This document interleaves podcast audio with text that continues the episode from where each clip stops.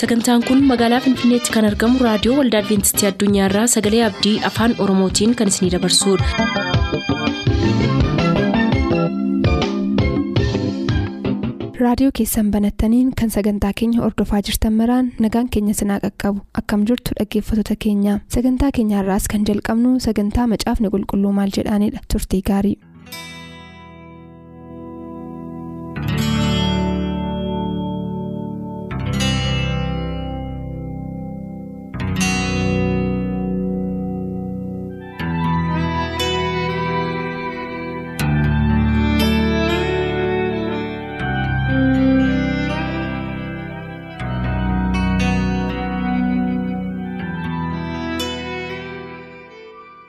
Bakka jirtan maratti kabajamuuf jaalatamuu dhaggeeffattoota keenya ayyaanniif nagaan waaqayyoo isiniif haa baay'atu jecha. Sagantaa kitaabni qulqulluun maal jedha jedhu jalatti faarfataa girmaa isaa qabadhee dhiyaadhan jira. Sagantaa keenyaarraa jalatti gaaffilee dhaggeeffattoonni keenya nu gaafatanan. Isa gaafachuun yaala.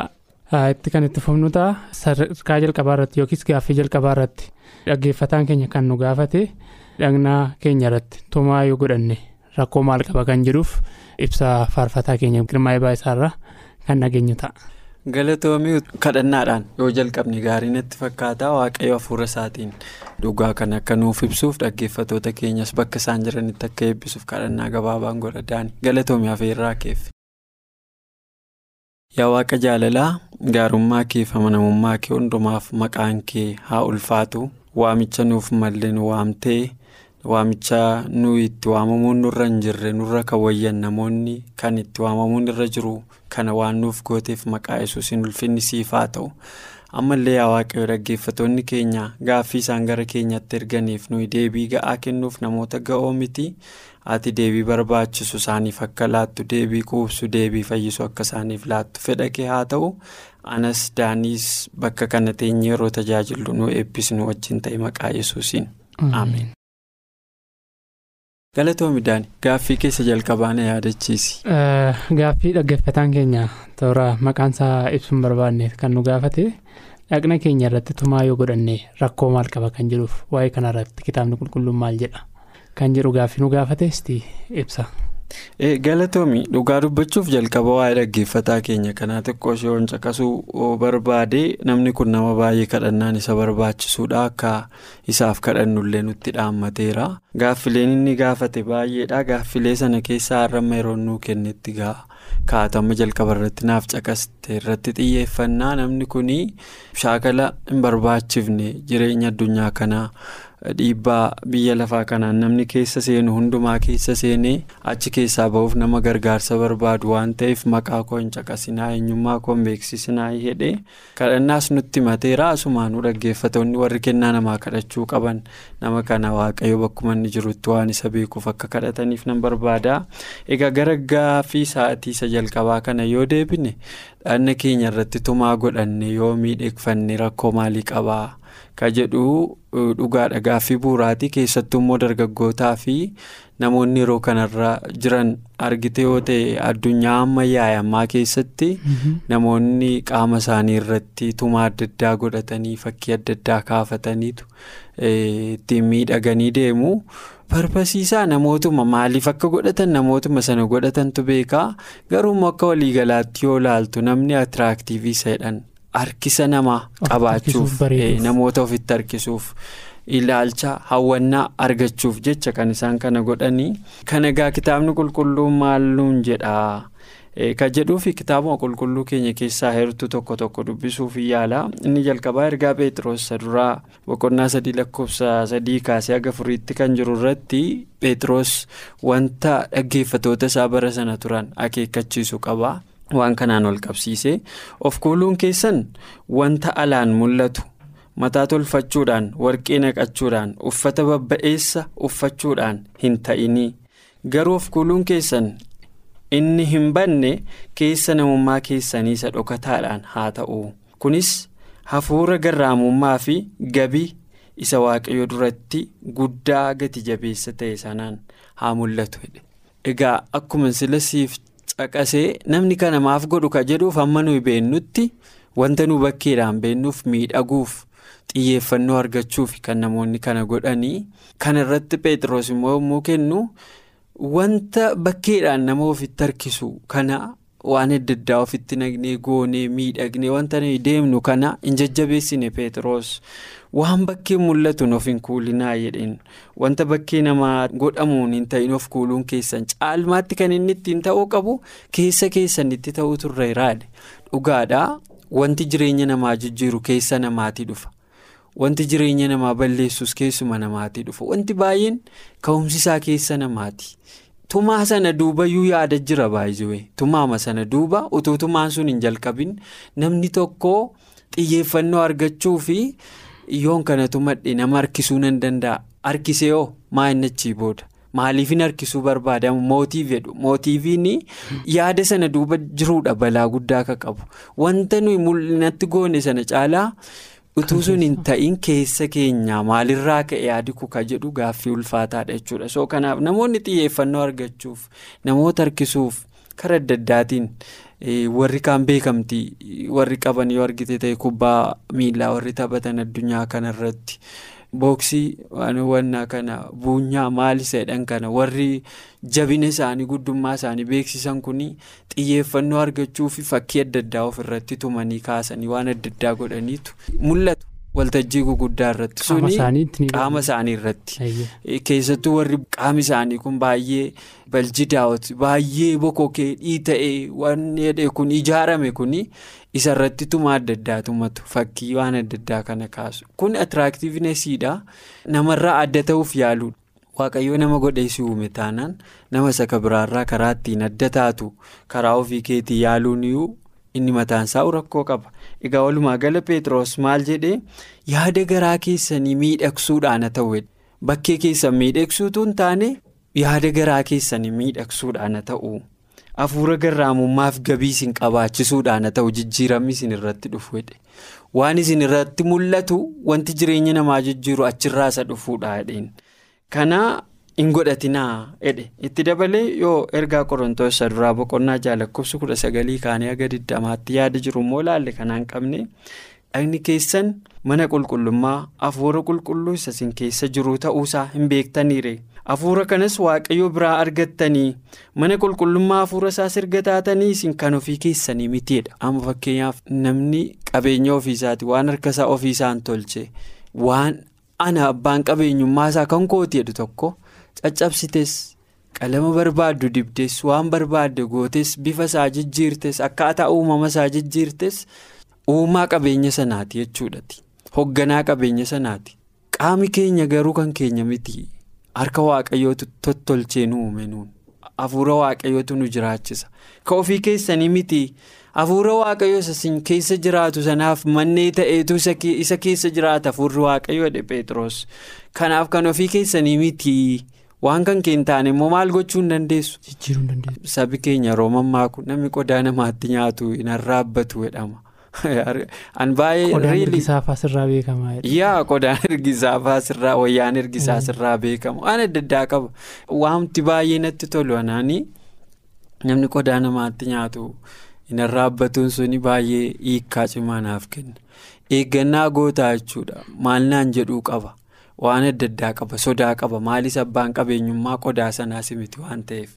so jijjiiruu hin dandeessu boca isaa halluu isaa qodaa kan keen taane tokko yoo akkas goote yoo abbaa qabeenyaa sana jalaa dhoksuu barbaadde yoo ta'e yakka biraadhanniyyuu kanaaf amma waaqayyoo gatiidhaanidha ergaa paawuloos. Gara warra qorontoos barreessa isa duraa lafoon amma dubbise boqonnaa jaalakkoofsu kudha sagalee hagaa diddamaarra jiru irratti waaqayyo gatiidhaan isin bitate kanaafis guutummaa dhanna keessaniin waan inni ittiin galateeffamu hojjedhaadha amma gaaffiin kanatti aanee dhufu gaatumaa godhachuu hin dandeenyaa dhanna keenya irratti rakkoo maalii qaba yoo ittiin of miidhagsine ka jedhuufi ati abbaa qabeenya qodaa sanaa miti waaqayyoodha abbaan qabeenyichaa jechaadha paawuloos.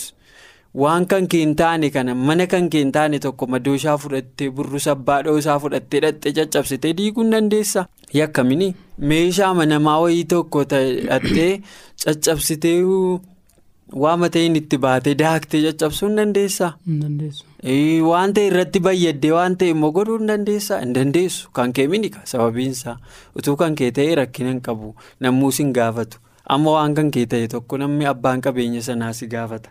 Kanaaf waaqayyo gatiidhaan isin bitate kanaaf guutummaa dhagna keessaniin waan inni ittiin galateeffamu hojjedha.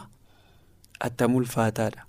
Riilii gaafa akkas gochaa gaafa dhagna keenya irratti tumaa tumannu fakkii adda addaa irratti kaafnu jesti waaqayyo dura akkas gochuuti isarra ture garuu ani immoo ishee kanan itti guuttadhaa wayiidha amma caalmaatti miidhagfachuuf mini.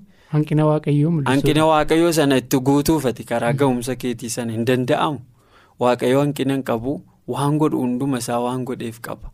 Ifin harka tokko wajjin na uumee naannoon ni sirriidha. Miila tokkitti wajjin na uumee naannoon ni sirriidha. Waan godheef qaba waan hin beekne.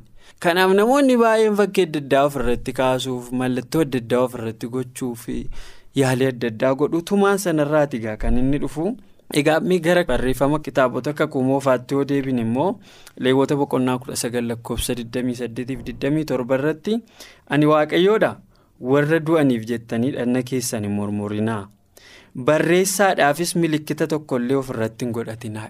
Kana waaqayyo ijoollee israa'el warra yeroo saboota adda addaa gidduu jiraachaa turan yibuusota kanaanota heetota.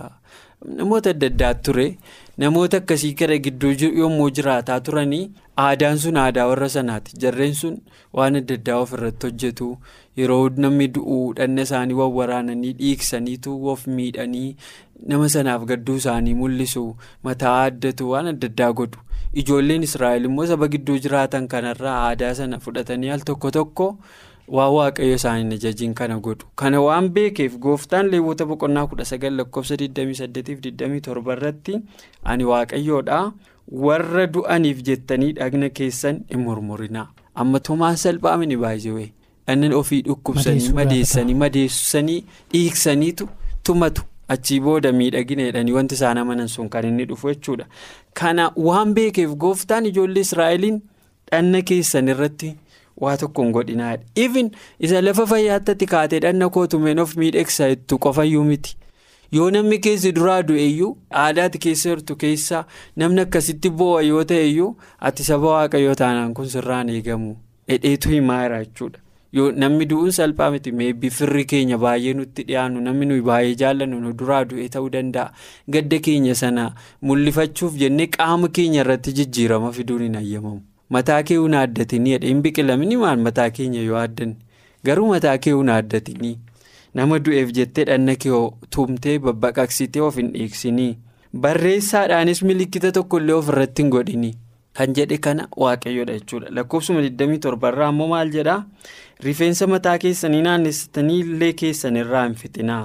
Handaara areeda keessaniis haddanii hin balleessinaadha argitee amma kana keessaa waan barru tokko qabna. Waaqayyo. Rifeensi akka nutti godhamu kan inni godhee fi faayidaa inni nuuf kennu waan beekuufidha.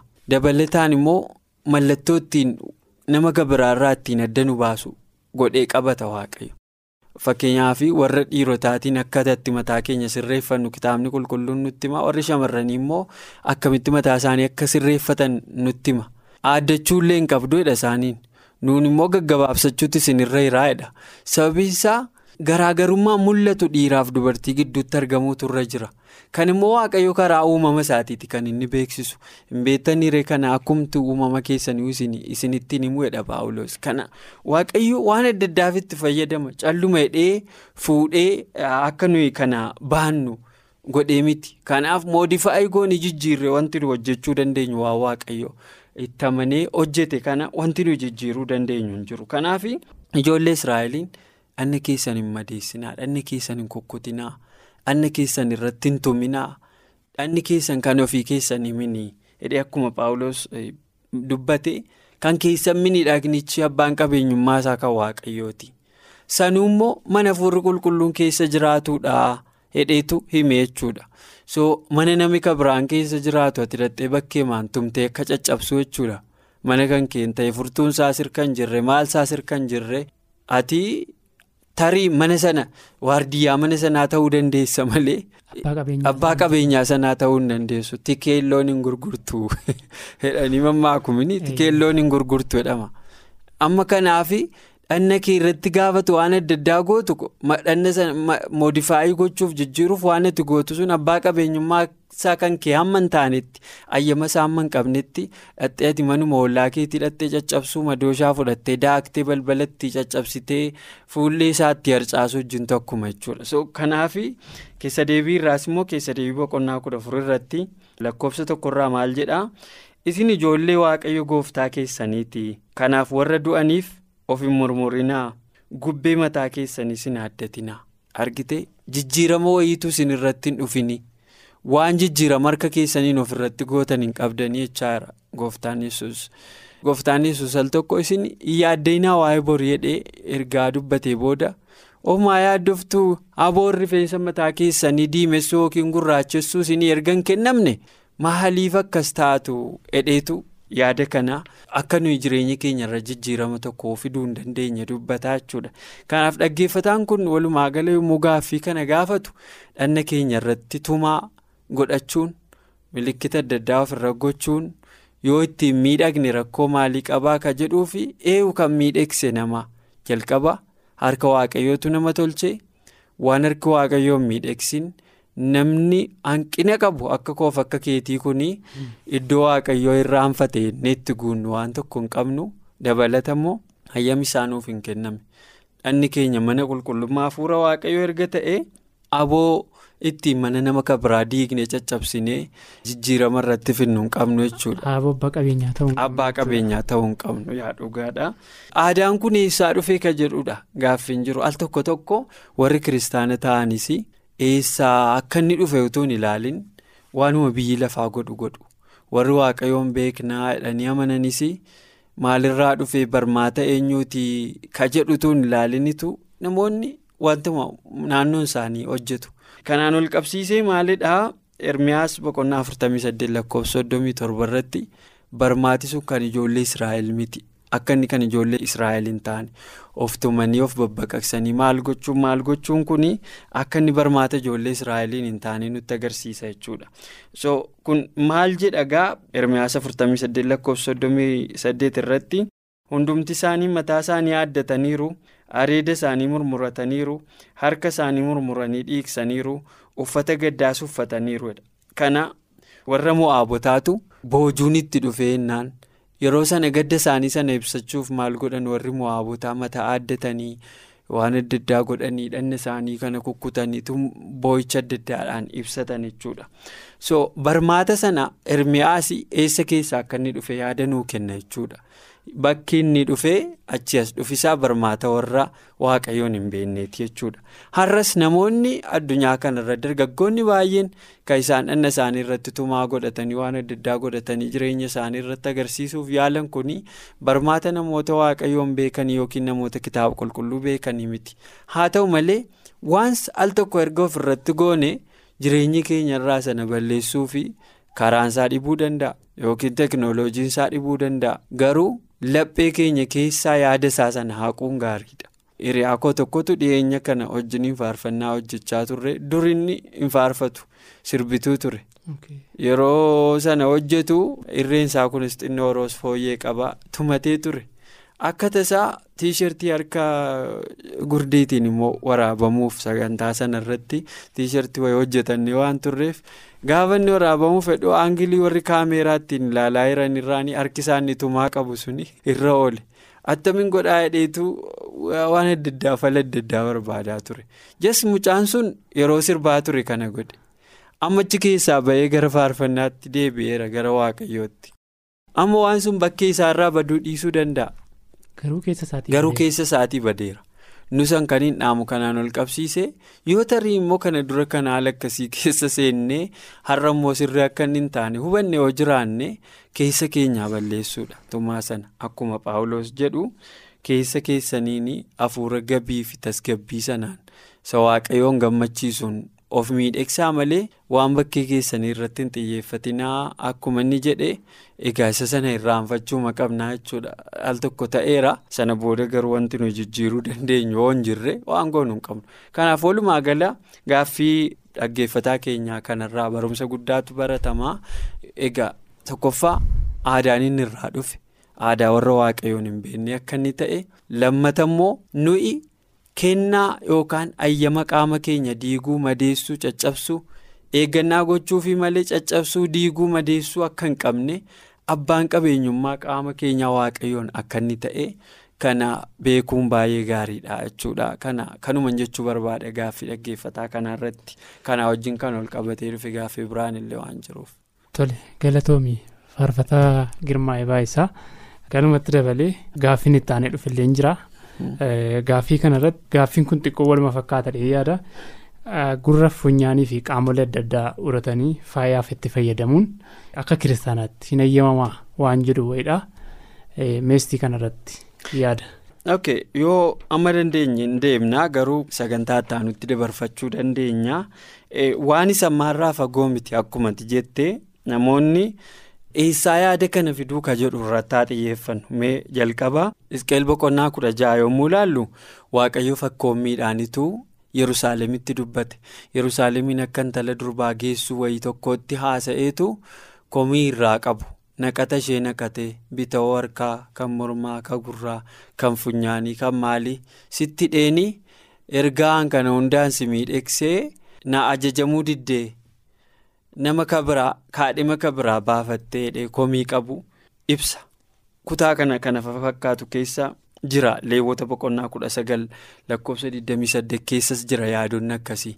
Namoonni gaa kanaa waan akka bitawoo funyaanii kan maalii kan harkaa jedhan kanaa yaada sanarraa kaasanii gaafatu. Kunoo kitaabni qulqulluun akkas jedhamanii rakkoo maalii qabaa jedhanii gaafatu? Garuu waan hundumaafuu. Akkuma gaaffii isa jalqabaa irratti ibsee achi as dhufi barmaati waan kanaa barmaati isaa kan aadaa saba waaqayyoo miti. Ta'uyyuu namoonni aadaa yeroo sana keessa turan keessatti galumsa waan kanaa fudhatanii haasa'aniiru. Hisqeelis kan inni dubbatu waaqayyoota fakkoommiidhaan dubbate malee dubartii Yerusaalem jedhamtu hin turre yeroo sana lafarra. Saba waaqayyootiinitu akka waldaa waaqayyoo akka dubartiitti haasa'a miti yeroo baay'ee kitaabni qulqulluun. Komii waldaa isaa irraa qabu dubbachuuf akkaataatti waaqayyo haasa'e haasaan sun immoo haasaa lookaalii namoonni itti fayyadaman ture. Garuu kutaa isaa bal'ifnee gaaffiif deebii keenya ka torbee keessatti yoo itti deebine gaariidha. Gaaffii kana sagantaa ittaanu keessatti itti deebina daani baay'ee galatoomne. Tole faarfataa girmaa'e. Baay'isee eebbifame. Sababa yeroo keenyaaf jecha gaaffii keenya bulfachuuf yaalleerra kabajamuuf dhaggeeffatoota raadiyoo sagalee abdii. Sababa yeroo keenyaaf jecha sagantaa keenya yookaas gaaffii kana gara kutaa ittaanutti dabarfachuuf yaalleerra galatooma. sagantaa keenyatti akka eebbifamtan abdachaa kanarraaf jenne asumaan xumur sagantaa keenya irratti yaaduu qabaattan karaa teessoo keenyaa raadiyoo olda adventistii addunyaa lakkoofsaanduqa poostaa 455 finfinnee jedhaanuf barreessa raadiyoo olda adventistii addunyaa lakkoofsaanduqa poostaa 455 finfinnee.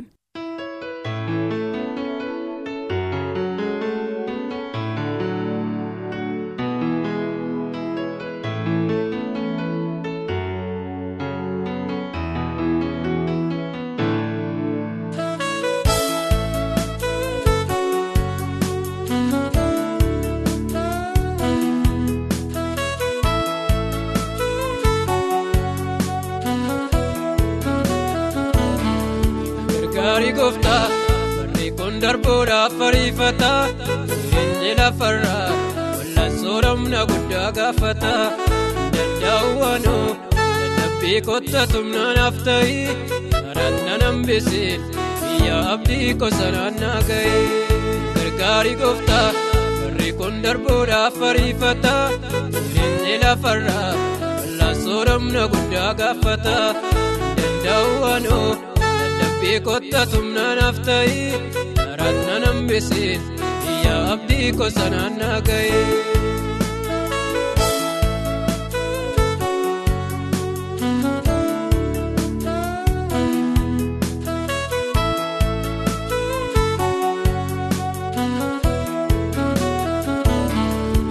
Keeyya gooftaa dadhabaa keessaan darbee mul'ata dadhabee kan hafee. Jabeessitee dura buuftaa Namni baay'ee jira akkaan hin guddanneef hafuuratti. Ati na jabeessi akkaan hin dadhabneef deemsa koottee Gargaarii gooftaa barri kun darbuudhaaf ariifata Jireenyi lafarraa bal'aan sooromna guddaa gaafata. Danda'u waanoo dadhabbii kottatu naanaaf ta'i. Karaat na nambeessi biyya abdii gosa naannaa ga'e.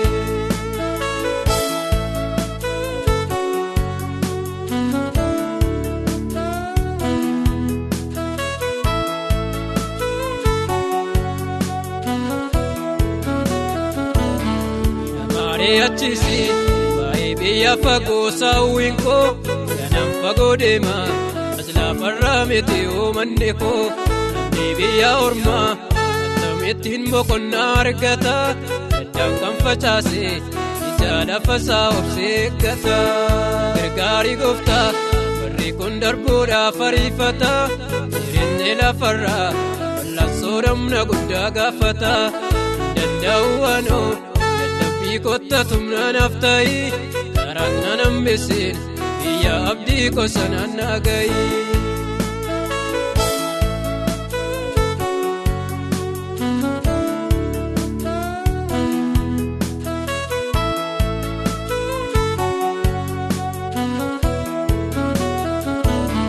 Yaaddoon qaba gooftaa mormaaf firan qabu kan nagaadu biyyammaan jiraadha.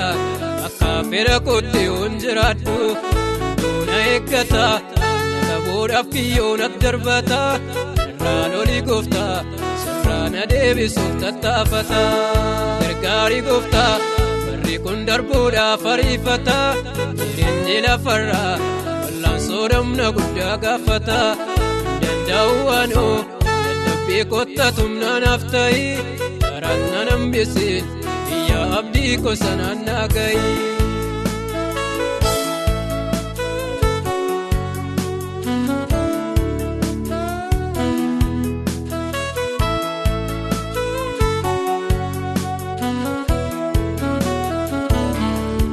Seenaan qaba bara hamaa kanaan dabarsi karaa kanarratti oggolii amantii koona jabeessi oduun naga'ee tumbira ga'ee kana caala isii galataatiin gammachuu mana keetii mangalaa gargaarii gooftaa barri kun darbuudhaaf ariifata jireenyi lafarraa bal'aan sooromna guddaa gaafata danda'u waanoo. Abdii kottatu naanaaf ta'i karaat na nambeessin biyya abdii gosa naannaa ga'e.